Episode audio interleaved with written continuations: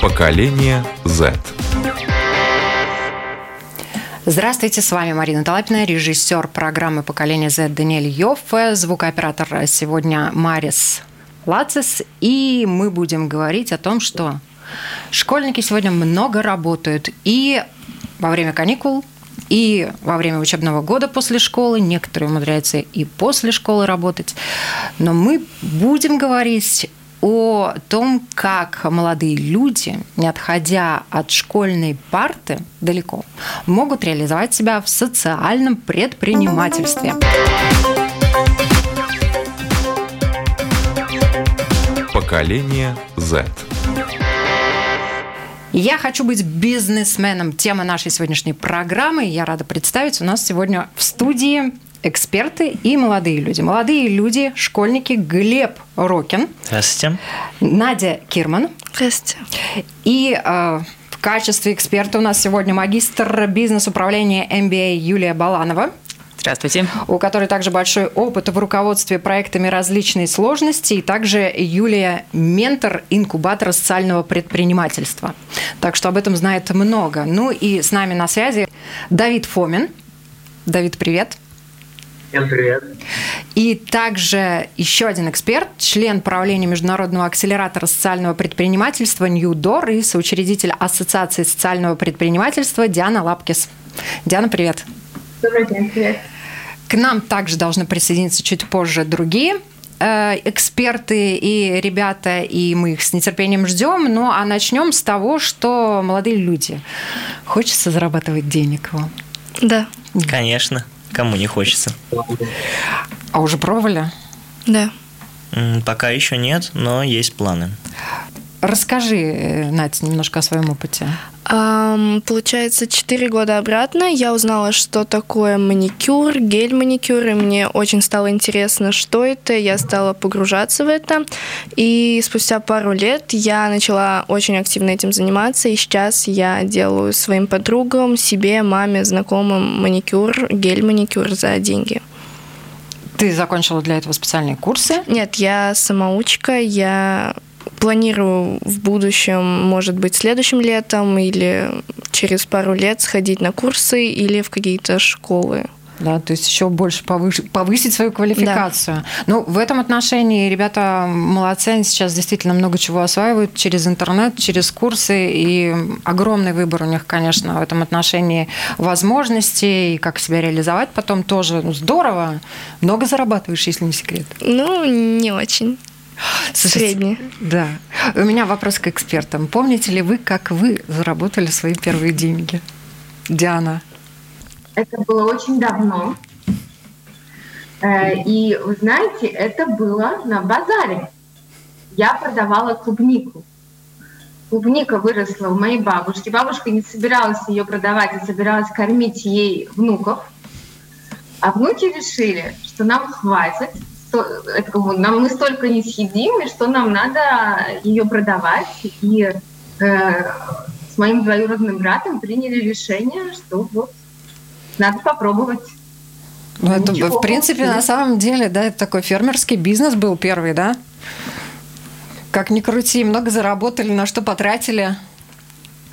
Ну, честно говоря, потратили на мороженое. Но у меня э, мой двоюродный брат, который в, в итоге стал финансистом и э, работает на высокой должности в банке, не потратил сразу, он собирал. Ну таки вот его э, финансовое нутро, оно дало себе знать еще в детстве.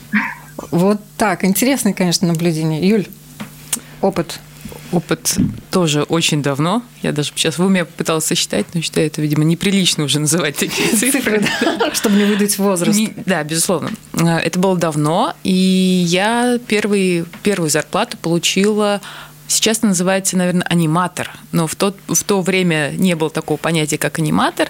Это был э, летний лагерь для детей, и я вот работала в лагере, я отработала смену. Мне на тот момент было, наверное, 14-15 лет. Это был первый опыт, вот как прийти в 8 утра на работу, что это вообще такое. А отработать, там, по-моему, до четырех мы работали, и вот так вот две недели. И самое интересное, что я почему-то отдала маме эти деньги. Ну вот, как-то так тоже было. Тоже такая черта характера. Да? Видимо, все да. в семью. Все ну... в семью. У меня до сих пор, по-моему, это осталось. Все в семью.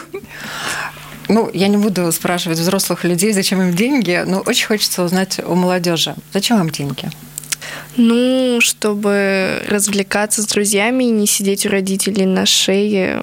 Ну вот, через пару лет будет даже немножко стыдно просить у мамы денег, когда есть возможность самим заработать. Самое банальное – это просто погулять с друзьями, сходить куда-нибудь в кино, в ресторан, возможно, какой-нибудь быстрого питания во время прогулки с друзьями. Ну или же на какие-то вещи для себя, например, одежда или что-то связанное со своим хобби. Давид. Окей, okay. деньги нужны для того, чтобы не было искушения их потратить в будущем. Если у тебя никогда с детства не было денег, ну, ты можешь быть не готов к ним. И первое время ты будешь их достаточно плохо тратить. А если у тебя деньги с самого детства, ты будешь понимать в будущем, что вот, например, лучше меньше ходить там по всяким ресторанам, кафешкам с друзьями, киношкам. И тогда будет оставаться больше денег. Это очень интересная позиция. Ну, в принципе-то у вас деньги какие-никакие есть. Вот Надя очень четко обозначила, не хочу сидеть у родителей на шее. Да? Это же, в принципе, кто-то не хочет, а кто-то сидит, свесив ножки и вполне себе нормально себя чувствует.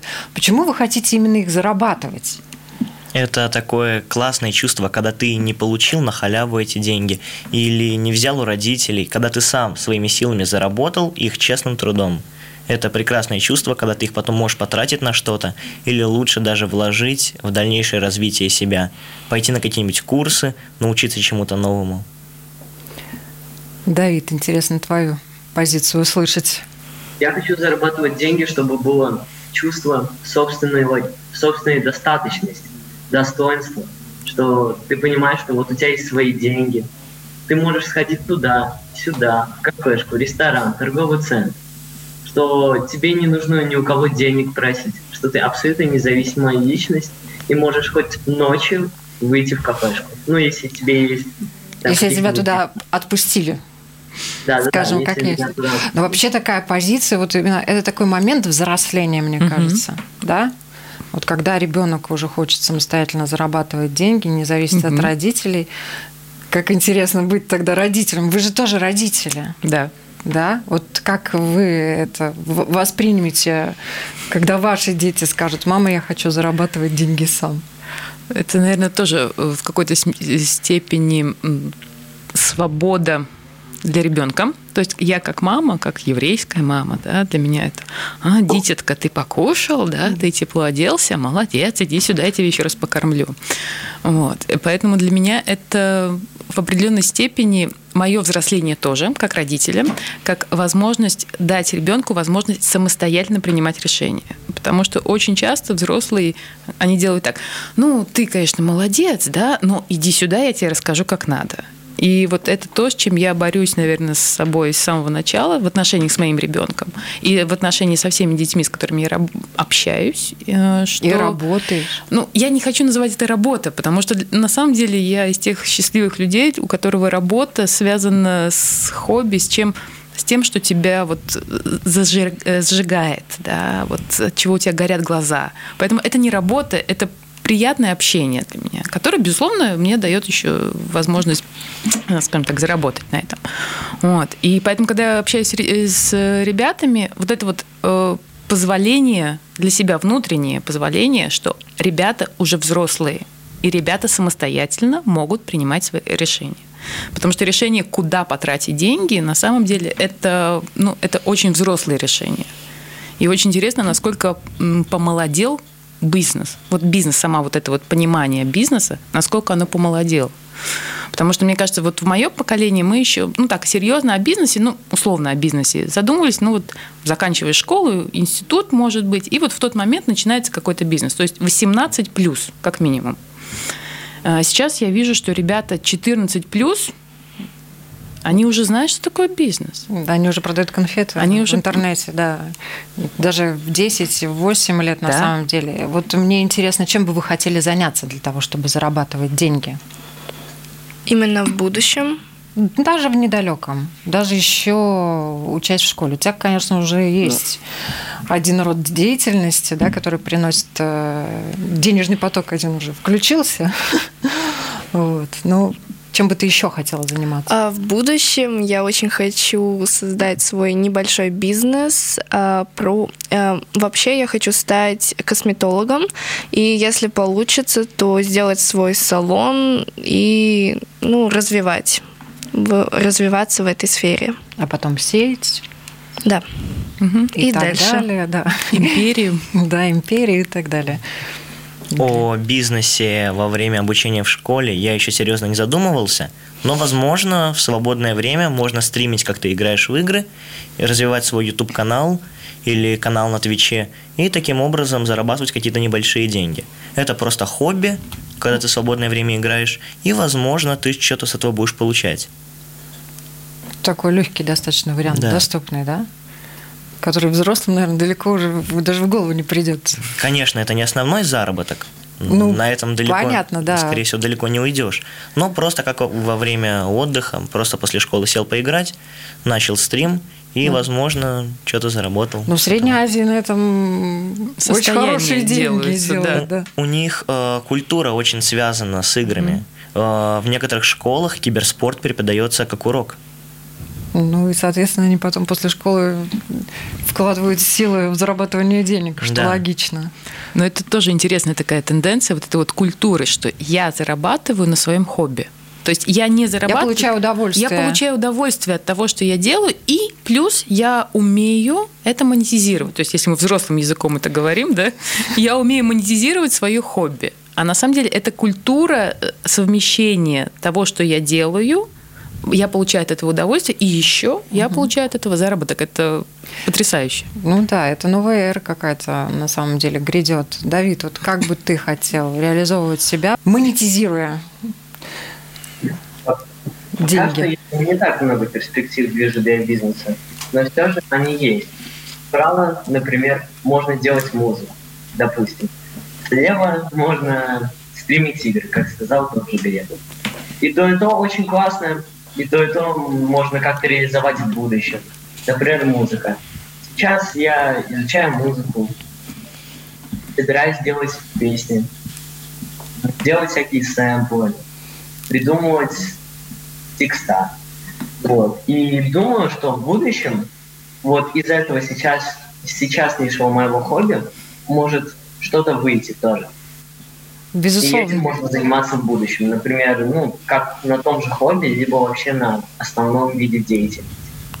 Вот я бы сейчас хотела попросить э, Юль вас и Диану, если она захочет дополнить, рассказать о проекте The Page который также, в принципе, Мгм. помогает э, молодым людям погрузиться в направление, которое называется социальным предпринимательством. Да, безусловно. Сказать, что The Page эм, это проект, э, вот руководит Юлия Баланова, и он э, вдохновился, если я могу так сказать, э, вдохновение получил от акселератора социального предпринимательства НИДОР, да, где мы обучаем взрослых людей со всей Латвии. И мы пришли к выводу, что э, обучение необходимо начать еще э, с школьной скамьи, чтобы детям э, вот это вот мышление дать и дать возможности, что вы, как вот сейчас ребята говорят, можете делать и направо, и налево, и вверх, и вниз, и что вообще все двери перед вами открытыми, что вы сами руководите своей жизнью. Но чтобы руководить своей жизнью, необходимы инструменты. И именно эти инструменты мы хотели бы дать. И еще важная составляющая дать понятие о долгосрочности. Такое модное слово у нас в английском, да, sustainability. А долгосрочности ее не может быть без социального влияния. К сожалению, многие этого не понимают. Если есть бизнес, а у него на чаше весов э, есть социальное влияние, то бизнес, он уже сразу становится более долгосрочный, и э, э, решает не только финансовые проблемы, но и какие-то социальные проблемы в обществе. Ну да, и тут уже у бизнеса не просто э, тот поток, который приносит деньги, это еще какая-то социальная нагрузка и, в принципе, то, что называется словом миссия. Да, Да? это действительно очень связано с миссией. И вот это интересно, что этот проект для меня это вот моя миссия. Вот э, в какой-то момент у меня действительно очень большой опыт работы в корпорациях, фирмах, стартапах. И я, наверное, вот лет почти там 15-20 лет я была посвящена своей карьере, вот строительству карьеры. И действительно я участвовала в, допустим, в Ньюдоре именно как ментор. То есть я помогала, я понимала, что вот на тот момент это вот была моя миссия. И в какой-то момент а, когда мы с Дианой стали просто проговаривать о возможностях, что мы еще можем сделать, я поняла, что вот совмещение того, что я очень люблю подростков, я действительно люблю с ними работать. Они классные, с ними Они, невозможно. они не то, что классные, я на Их самом деле- невозможно не любить. Это точно, потому что каждый раз, вот общаясь с, с ребятами, я лично заряжаюсь. То есть я, мне иногда кажется, что вот я с ними пообщалась, и я такая же, я опять вернулась вот в эти вот лихие, да, там, ах, и я опять все могу, потому что с возрастом появляется вот это вот, ну нет, туда мы не пойдем, там мы были, там уже страшно, не. А с ребятами пообщаюсь такой, да какой страшно? А мы так еще раз что мы сделаем, такой вот, э, такой, о, классно. И вот в этот момент у меня появилось вот это вот желание, такое вот потребность внутренняя, что не держать в себе и не только работать и помогать э, взрослым, потому что в Нидоре это действительно это взрослые проекты, это взрослые люди. М, Я сейчас не скажу о среднем возрасте, наверное, это лучше к Диане, но вот это вот м, возможность уже раньше, вот еще до их детям, тем, которые действительно, знаете, вот Татьяна чуть попозже к нам подключится, у нее у, на страничке есть замечательный слоган о том, что подростки это не только наше будущее, это наше настоящее. И вот меня это вот меня это так трогает, потому что ребята это наше настоящее, это те, кто уже сейчас на самом деле решают, как мы сейчас живем. И если уже сейчас, может быть, рассказать, потому что то, что мы делаем по своей, по большой сути, мы открываем, мы просто чуть больше рассказываем. Мы просто рассказываем о том, что есть настолько много разных путей, и на самом деле, э, что очень важно тоже в программе, когда мы ее создавали, мы понимали о том, что э, для взрослых мы больше делаем упор на так называемые hard skills. То есть это про финансы, про эм, бухгалтерию, про маркетинг, такие вот базисные, которые нужны. А ребятам мы хотим дать помимо э, hard skills еще и soft skills. То есть как себя преподнести, как прийти э, на радио, как говорить в микрофон, как не бояться себя презентовать, а, что такое эмоциональный интеллект, как понимать себя, как понимать других, как управлять своими эмоциями, потому что на самом деле это, это так важно. А, Нынешнее поколение отличается таким экологичным мышлением. И а, в этом, конечно, а, бесспорно такая очень хорошая, мне кажется, база для а, хороших, чистых помыслов и реализации их через бизнес, в том числе и через социальный бизнес. Вот вы вообще об этом задумывались, да, что бизнес это не только зарабатывание денег, но еще и, может быть, какая-то миссия. Ну вот, э, я думаю, что бизнес, он не только вот как зарабатывать деньги, а помогать людям и ну, восполнять их желания, возможно. Ну да, и получается, что зарабатывание денег это не только для того, чтобы пойти с друзьями, да, но и помочь людям. другим, да. Ну да, в жизни нужно не просто зарабатывать деньги, а как-то приносить пользу обществу. Можно зарабатывать деньги, решая какие-то проблемы в обществе, помогая людям. При этом хорошо будет и тебе, и другим. А как, может быть, ты уже помогал людям? На моей памяти еще не было таких случаев, когда я помогал людям и еще и ну, зарабатывал какие-то на этом. благотворительные акции, я думаю, были однозначно. И в школах проводятся различные базарчики, так Да-да-да. называемые. Я М, думаю, что да, это было. было. такое. Да. На самом Тогда-то деле это я, было. тогда я и заработал свои первые достаточно крупные деньги. Опаньки! Оказывается, ты зарабатывал. Рассказывай. А, Это была школьная ярмарка где-то полтора года назад. А, Тогда у каждого была своя парта, на которой можно было а, размещать свои какие-то товары. Мы с друзьями скооперировались и поучаствовали в этом мероприятии. Многие просто пропускают это мимо, думая, Пф, кому это вообще нужно. Если захочу, что-то куплю, потом просто пойду куда-нибудь. А мы решили напрямую в этом поучаствовать, э, разложили свои товары, что-то приготовили э, дома э, за день до этого, продали это и очень даже неплохо заработали на этом. Ну и что вы продавали? Раскрывай все секреты. Сколько А. вы заработали? Все интересно. Мы заработали под 100 евро в тот день. На всех, на двоих, на троих. На троих 100 евро. Но так получалось то, что э, мы готовили разные э, продукты. Было мороженое, именно которое мы готовили прямо на месте. Э, были сухарики какие-то, конфеты и так далее. И каждый из нас вкладывал в это какую-то сумму. И зависимо от этой суммы, сколько он вложил, он получает такой процент от общей прибыли. Я вложил больше всех, поэтому я и получил больше всех. Но тем не менее, я так понимаю, что деньги, часть денег пошла на благотворительные какие-то А, да. акции. Э, Часть денег отдалась школе. э, Такие были требования изначальные. Поэтому часть нам пришлось отдать. Но Ну, ну, ну- ну, в любом случае, ты, вот говорят, добрые дела делаешь, если оно по-настоящему было добрым, ты не помнишь, что ты его сделал. Да, вот да. классический такой пример. в любом случае я был очень доволен после этого. Нам всем очень понравилось это. Давид, Я много размышлял о бизнесе. Много раз хотел открыть, заняться чем-то. Вот сейчас вот планирую начать заниматься бизнесом, продавать кроссовки. Ну, это, это достаточно хороший бизнес. У меня много знакомых, которых, у которых успешно удается продавать кроссовки. Хоть это и кажется, что много не заработаешь, но на самом деле можно много заработать с продажи кроссовок. Главное в любом бизнесе это не идея, а подход. Какая идея хорошая не была бы, если ты ее плохо реализуешь, она не загорится. А если идея, ну, такая, но подход замечательный, отличный, эта идея загорится. ну вот что для тебя означает отличный подход? Отличный подход. Для меня эта фраза много что означает. Отличный подход – это не просто, не только идея, но и детали.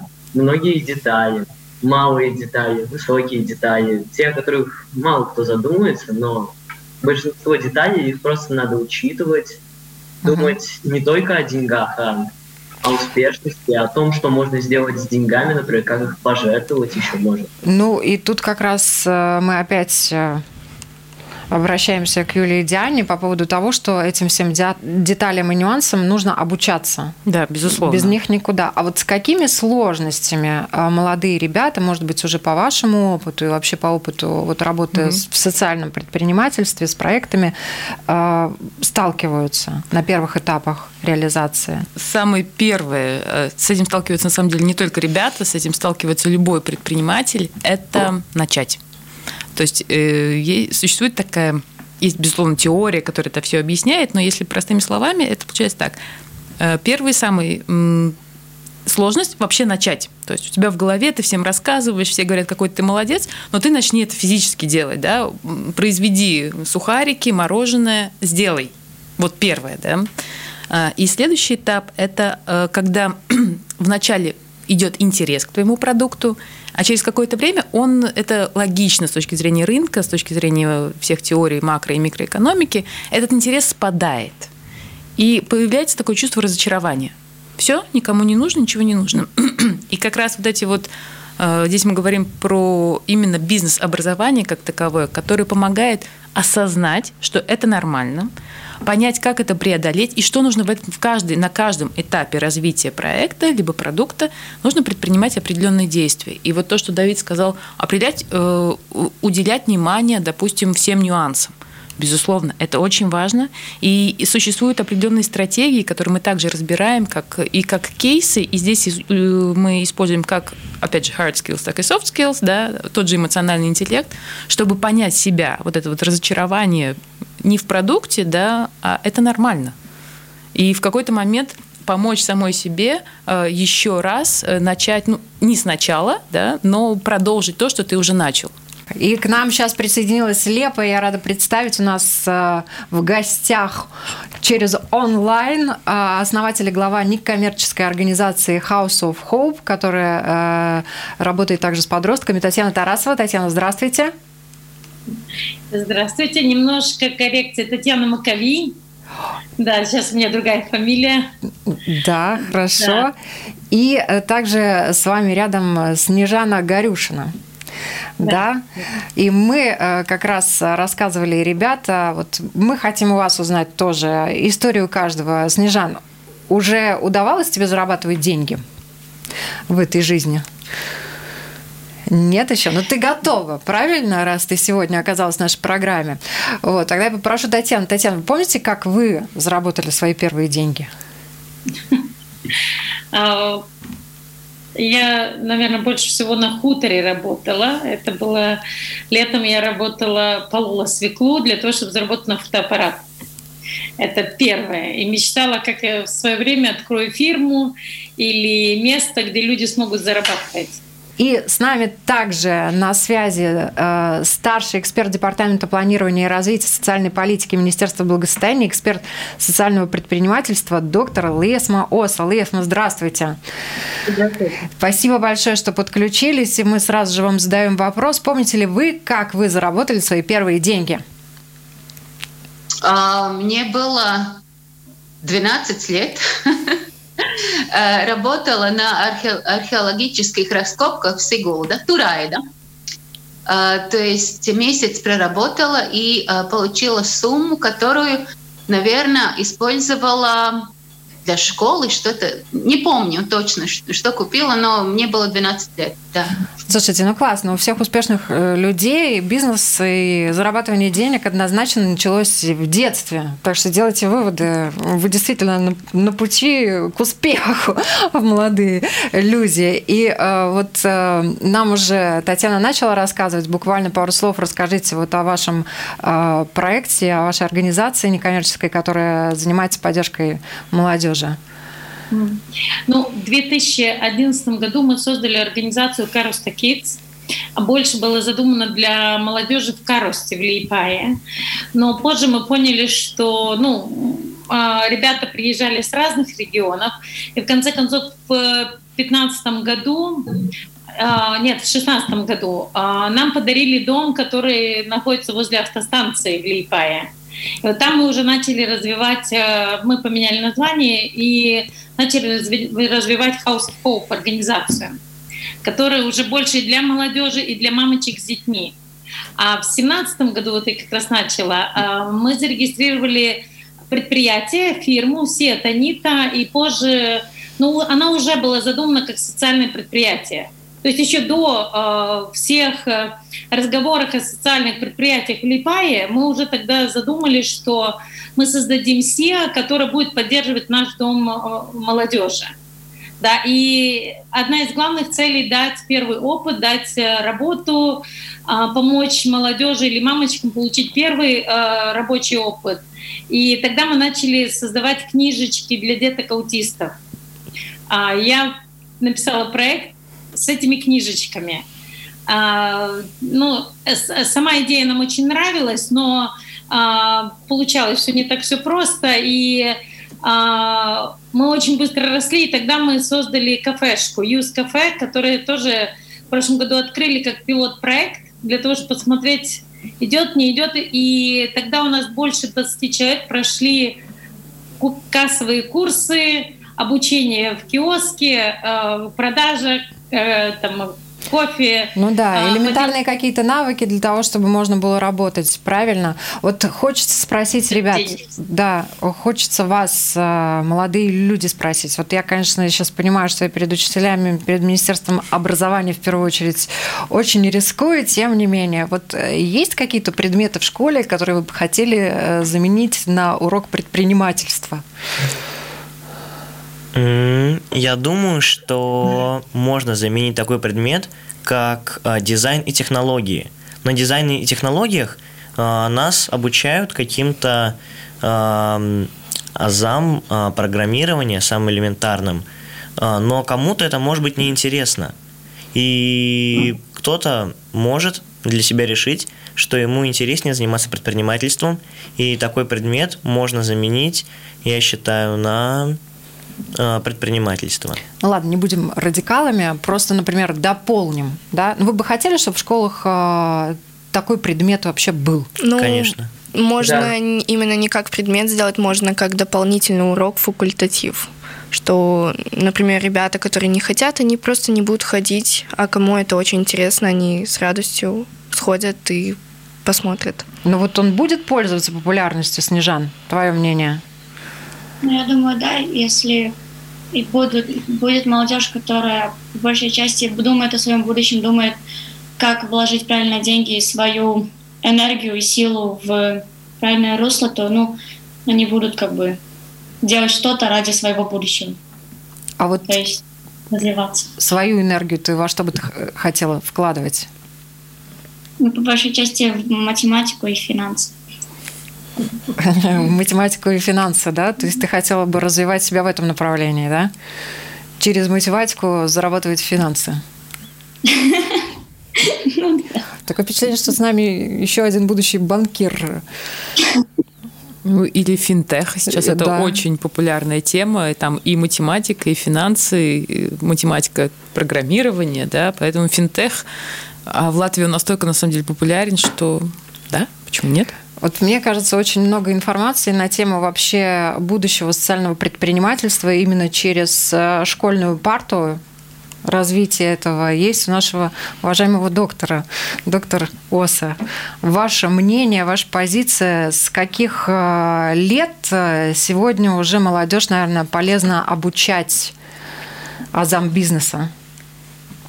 А, Я бы не сказала азам бизнеса. У нас прекрасный э, момент сейчас в политике, э, когда Министерство образования развивает подход компетенций к образованию. То есть эм, это э, как бы эм, сфера соцпредпринимательства. Это сфера, которая в, себе, в себя включает э, этику, э, социальную, э, то есть ответственность э, азы бизнеса плюс азы бизнеса.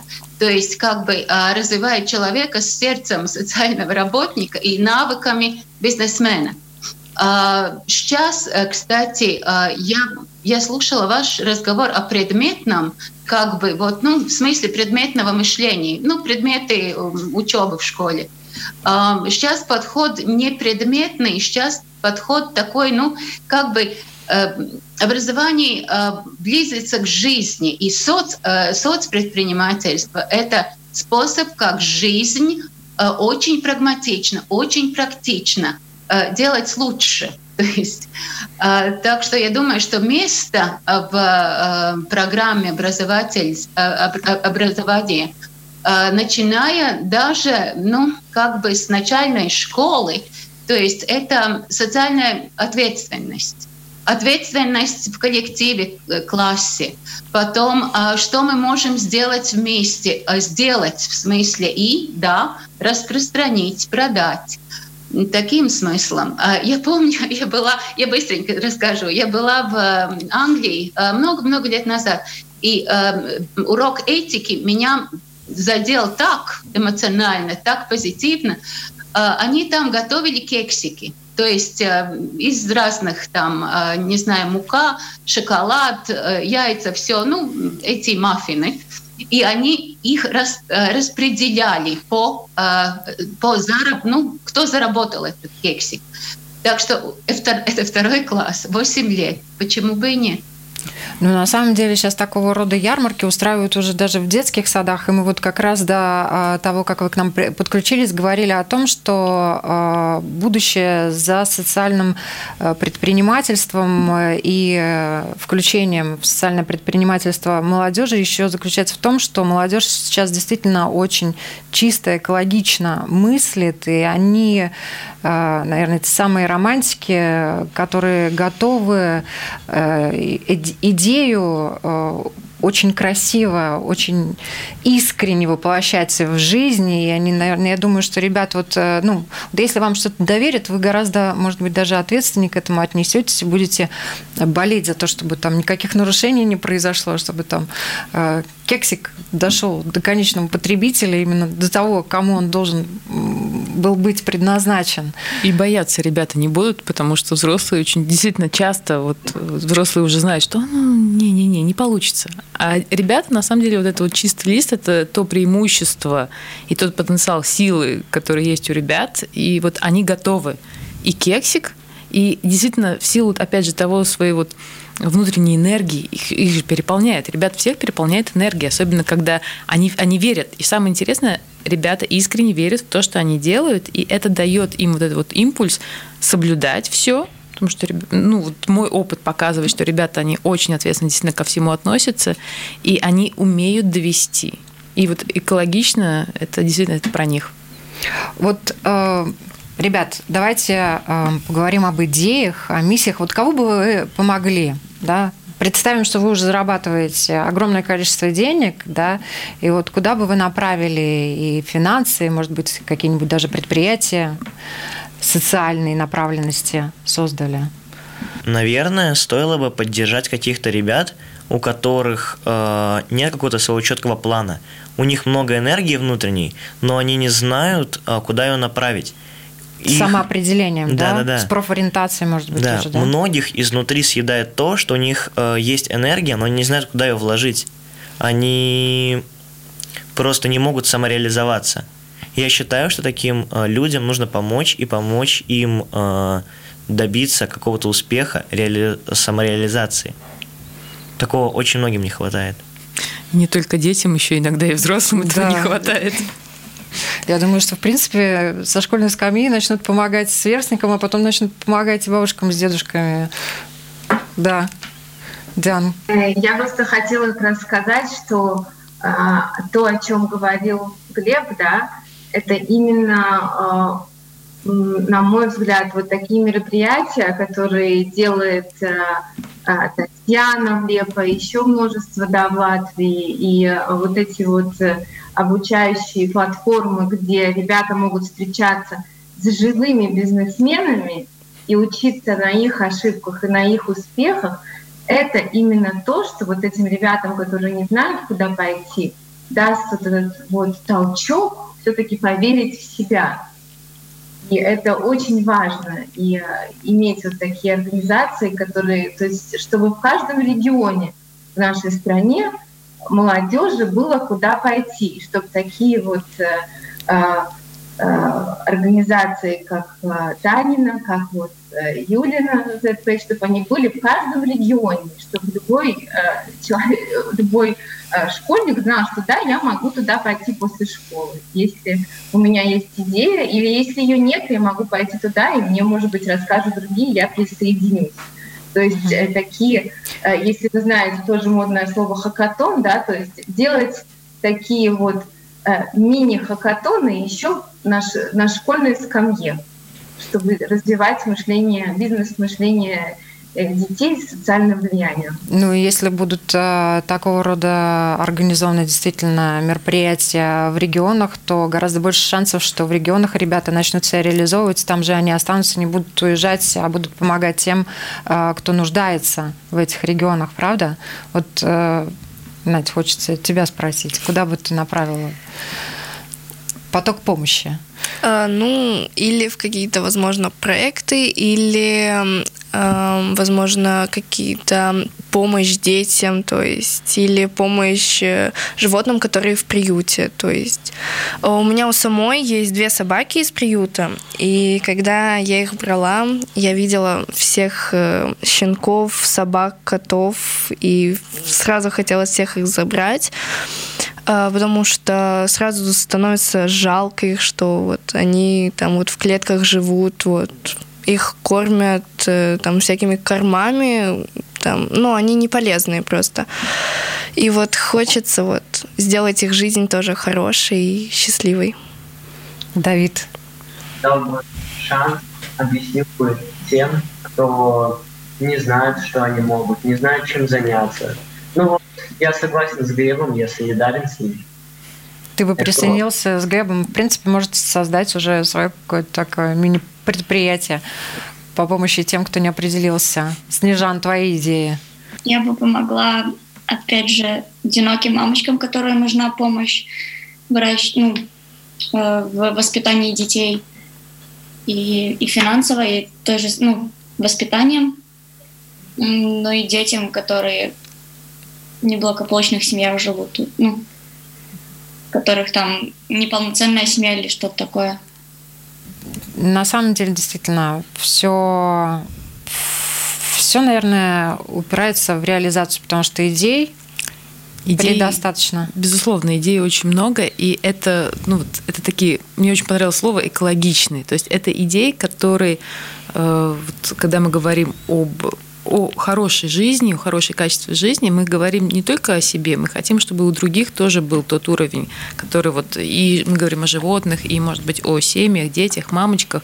И это настолько замечательно, что ребята уже в их возрасте задумываются не только о себе, то есть у нас уже позиция не я, я, я, я, uh-huh. а позиция мы, и что само понимание того, что есть желание помогать другим, вот мне кажется, это вот, э, знаете, как, если после нашего там проекта, после нашей программы, да, хотя бы один человек, подросток, еще задумывается о том, что не только я себе, но еще и я другим, ну, по большому счету миссия уже выполнена, да, ну так.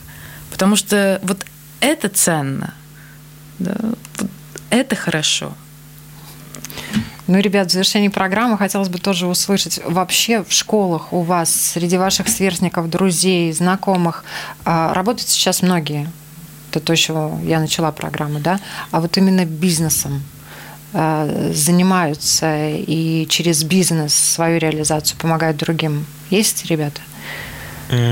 Есть, но таких очень мало. Сейчас многие дети, они просто не думают о этом, они не считают это нужным. Но, с одной стороны, их можно понять. Зачем думать о чем-то другом, пока, пока сам школу не закончил, пока в университет не пошел. Но тоже думать надо о других и других проектах. Ну, я думаю, что это вполне достойно того, чтобы стать трендом сегодняшнего дня. Я бы хотела, ребят, вас спросить, вот э, вы, ваши сверстники, наверное, больше даже вот такой анализ от вас кто и зачем из ребят, э, школьников сейчас зарабатывает деньги? Ради чего?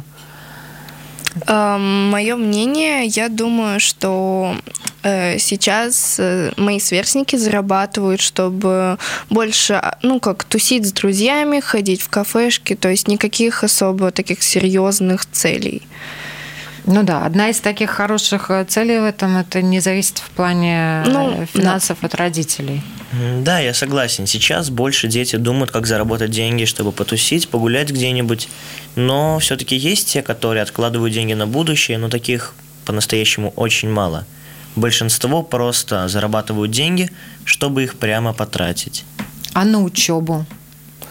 После школы, ну, там, чтобы в университет поступить э, здесь или за рубежом, кто-нибудь зарабатывает из ваших знакомых?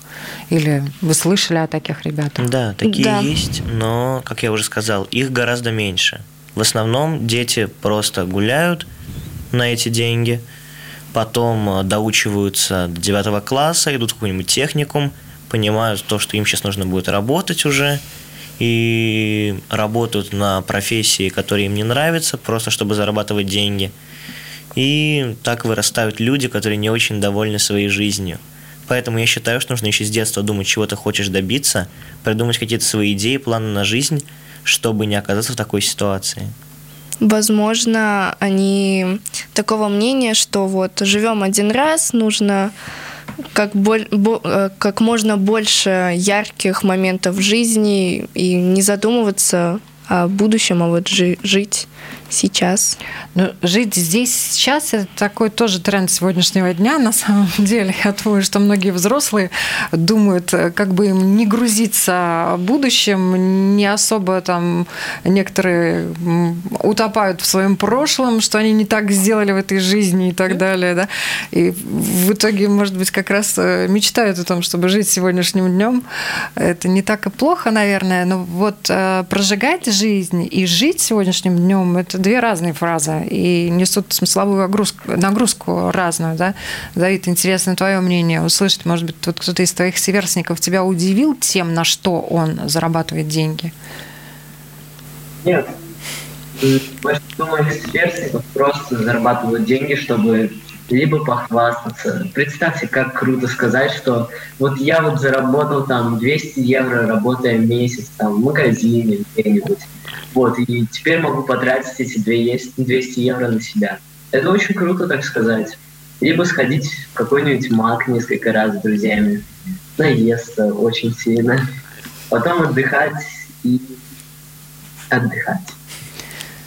Интересная позиция тоже, да? Это очень интересно, и на самом деле, скорее всего, это позиция, которая продиктована э, вот настоящей модой. То есть вот то, что мы видим, допустим, в Инстаграме, там, может быть, в ТикТоке чуть меньше, да, Инстаграм, Фейсбук, это то, что транслирует э, как это сейчас. Я много зарабатываю, и для, зарабатываю для того, чтобы красиво жить. ходить, ну, может быть, те, кто в Инстаграме не в Макдональдс, да, а в ресторан чуть подороже, да, и там проехаться, может быть, на машине чуть подороже. Но вот это вот такое вот потребление. Я зарабатываю, чтобы потреблять. И... Но мало кто задумывается о более благой и лучшей цели. Угу. Деньги сохранить их на будущее. И угу. хорошо потратить. Ну, я думаю, что когда всем надоест в ТикТоке э, самолюбование других, и свое в том числе, возможно, появятся новые фотографии, видео, которые будут как раз пропагандировать э, что-то позитивное, хорошее, и то, как ты делаешь добро и себе, и людям. Так что мы за новые тренды экологичные. Всем хорошего дня!